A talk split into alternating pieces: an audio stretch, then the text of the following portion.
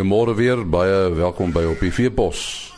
Ons praat vanoggend oor die boerbokke in Suid-Afrika en dan is daar ook 'n bydrae oor die stand van riviere en die invloed wat landbou op die riviere het. Nou praat ons met uh, Stefanus Malan. Hy is die president van die Boerbok uh, vereniging en ons praat met hom oor 'n belangrike byeenkoms wat tydens die bloemskou plaasvind. Vertel ons meer van hierdie byeenkoms, uh, Stefanus. Uh nee, ja, eerstens baie dankie vir die geleentheid. Dit is uh ons wêreldkampioenskappe wat uh, elke tweede jaar in Bloemfontein plaasvind. Ehm um, en en die die kampioenskap is ook vir enige teeler dwars deur die wêreld om te kom deelneem. Nou uit die aard is dit nou moeilik en natuurlik baie hoë kostes vir mense om om van ander lande af deel te neem, maar die meeste is maar plaaslik en dan in die verlede het ons nou mense uit uit Namibië uitgehaal wat deelgeneem het aan hierdie byeenkoms. Wat gebeur op die byeenkoms? Ehm um, en iets soos alles skoue word word die diere in verskillende klasse eh, ding hulle te mekaar mee. Ehm um, die ongewisselde diere met ander woorde dit is nou lammers, eh, die ramlammers is ja vier gewigsklasse waarna hulle deelneem as ook die ooitjies. En uh, dan dieselfde gebeur dan nou in die senior klasse waar ons dan nou die 2 tand, 4 tand en 6 tand en dan die, die volwekdiere. Dit is ook vier klasse. Maar hulle teen mekaar uh, meeding en dan nou die wenners van elke klas uh in die junior die lammerklas, die wenners van elke klas uh die neem dan nou ook teen mekaar deel om jou junior kampioene te bepaal, so ook met die seniors en op die uiteinde word die uh, junior kampioen en die senior kampioen kompeteer teen mekaar om die senior kampioen of die groot kampioen ram op die skou dan te kry as ook die die oeye dieselfde geval met die oeye. En uh, dit is natuurlik 'n uitsonderlike prestasie om om die eienaar van so 'n dier te kan wees. En uh, die kompetisie is is gewoonlik baie baie straf. Uh, die inskrywing is hierdie jaar is dit 1100 en 70 diere wat ingeskryf is vir hierdie kompetisie.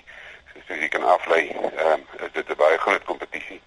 En ek dink dit is die die grootste enkele ras eh uh, skou of weer die meeste aantal inskrywings per ras is die boerbokke en dit is nou vir afgelope klompie jare die geval dat die boerbokras ehm um, baie baie groot skou.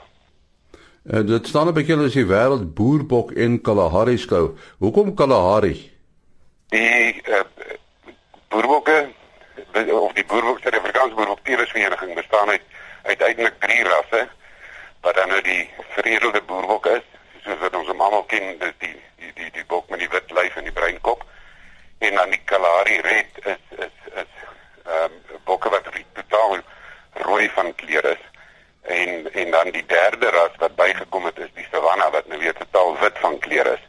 Ehm um, hierdie jaar skou die boerbokke as ook die Kalahari Red en ons het 'n reël um, om deel te kan neem aan die die die wêreldkampioenskappe per ras moet daar 'n minimum van 200 diere ingeskryf word wees met drie vertoners en as 'n ras nie voldoen aan dit aan daai vereiste nie dan kan hulle nie deelneem nie. Ongelukkig kon die savannas nie ehm um, die genoeg diere en vertoners kry om dan nou te kon deelneem en dit is hoekom dit dan nou net hierdie jaar die boerbok en die kalari red is.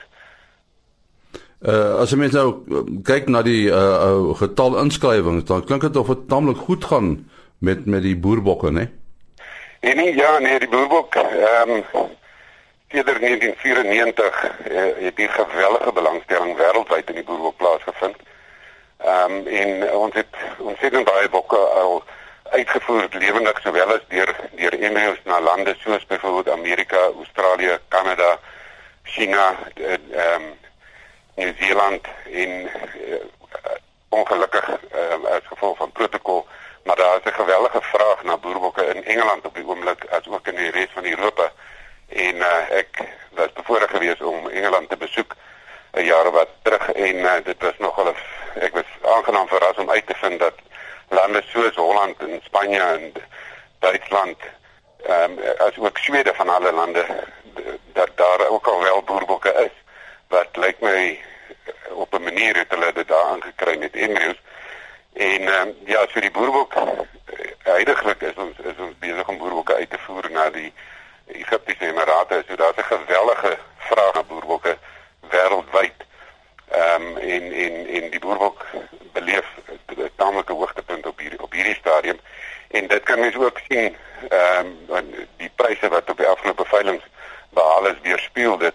En ehm um, daar was so drie weke gelede 'n veiling in Parys by die Freedom ehm um, waar 'n ram 'n prys van 160 000 rand behaal het.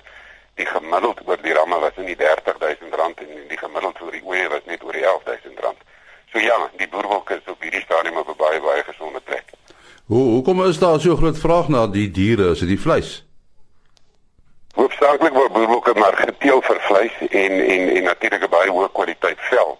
Ongelukkig op hierdie stadium omdat daar nie beheerde slagtingsplase in van boerbokke nie, het ons 'n probleem um, om genoeg velle bymekaar te kry om om dit te dan te kan uitvoer, maar op hierdie stadium is dit vleis.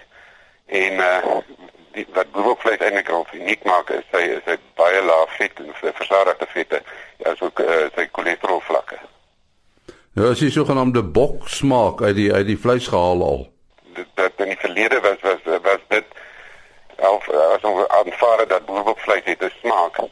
En uh, interessant genoeg, ons het dit nou al by verskeie geleenthede wat ons boerbokvleis voorberei het en en mense dit gegee het dat almal gedink het hulle is besig om skaap te eet en niemand kon agterkom dat daar 'n verskil is nie tussen tussen boerbokvleis uh, en en en skaapvleis nie. Ehm um, mense moet verstaan ook dat boerbokke omdat hulle verkieslik uh, aan bome sal vreet en struike sal vreet wat wat wat nou, uit die aard nou baie meer smaak en vleis te gee as wat gras sal gee. En en om die diere net te onttrek van weiding af vir plus minus 24 na 48 ure en slegs water te gee dan haal mens die smaak uit die vleis uit op daai manier en uh, boerbokke wat in 'n voerkraal byvoorbeeld gevoer word saam met skaap sal se vleis sal dieselfde smaak. So die smaak word maar bepaal deur dit wat hy eet.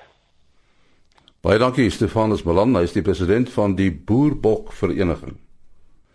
Ons uh, gaan nou praat oor oor die stand van uh, Suid-Afrika se riviere met uh, professor Maitland Seaman. Hy is van die Sentrum vir Omgewingsbestuur by die fakulteit Natuur en Landbouwetenskappe aan die Universiteit van die Vrystaat. Nou Maitland, uh, die die stand van die riviere in ons land, hoe sou jy dit ag? Hoe hoe is dit op die oomblik? Ek dink ons ons riviere is in 'n redelike goeie toestand. Ehm um, maar ek dink daar's daar's daar's 'n klomp kwalifikasies wat ons daarbey moet voeg. Die um, die riviere is maar net die, die stukkies wat uitsteek, jy weet, water is 'n aaneenlopende massa. Uh, wat men sien is is wat in die rivier is, maar as jy jy kan oor die laer oranje rivier loop, uh jy weet sou jy voete nat te maak of die die selle en uh, maar hy vloei nog steeds ondergronds. Daar's daar die land het uh, baie goeie ondergrondse water wat ons wat ons goed moet oppas en so oppas dat dit nie besoedel nie. Tog is die riviere belangrik en is dat ons hulle in stand hou. Ehm um, die waterwet uh, ons land het 'n ongelooflike goeie waterwet en die wet sê ons moet na ons water hulpbronne kyk en die hulpbronne is nie soseer die water as die as die stelsels wat die water voorsien. Riviere voorsien water, ondergrondse water voorsien water dan kos is ek sê, dit is altyd aan die lopend. Ehm um, ehm um, mense wat oningelig gesê ons moet ook maar iets vir die visse slaap, maar eintlik is dit nie so nie. Uh die riviere moet in 'n baie goeie toestand wees sodat hulle water kan lewer. En uh, ons kan dus nie te veel water uh, uithaal nie. As ek nou dink aan die Caledon rivier wat wat water aan Bloemfontein voorsien, hy is amper op sy maksimum wat voorsiening betref. En as ons nog water uit hom uithaal, dan miskien dan beskadig ons die die hulpbron dan kan hy nie meer lewe nie. Al al is mens in die nood, mens moet oppas dat jy nie die uh, die die stelsel uh, beskadig wat die water voorsien. Ehm um, mense in die droë weste, ons ken die droë weste waar daar nie water is nie, daar's baie ondergrondse water, maar dit moet goed opgepas word.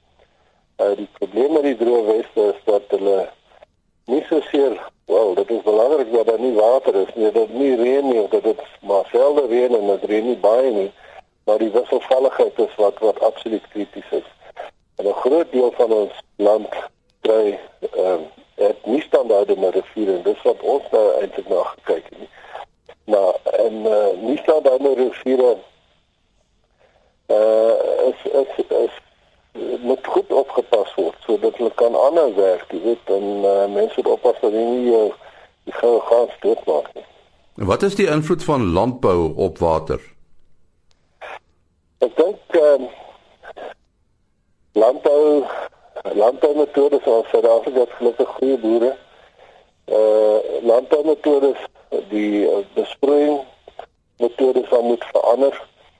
Uh in alle sektore moet water gespaar word, maar die plek blykbaar waar water die meeste bespaar kan word is in die landbou. En uh so uh, dit verg dat boere bietjie beter nog beter sal moet presteer en water meer spaarsamig moet gebruik.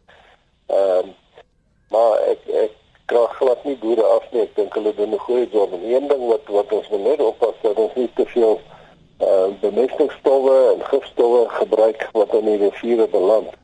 En die kosbare hulpbron dit was oppas dat ons dit nie beskadig nie. En dit is veral uh boere wat uh, en ek dink dinge verbeter vir boere wil ook nie te veel geld mors op op te veel uh kunsmis en te veel uh dit uh, gifmiddels nie. So, ek dink die die die toekoms is is goed. Ek dink as almal nou besef dat ons ons eintlik ons ons uh ons waterbronne moet koester en moet oppas dan sal dit goed gaan. Ek dink die mense besef dit. Nou sê baie dankie aan uh, professor Maitland uh, Seaman. Hy is van die Sentrum vir Omgewingsbestuur by die fakulteit Natuur en Landbouwetenskappe aan die Universiteit van die Vrystaat. Tot môreoggend, alles van die beste. Ah.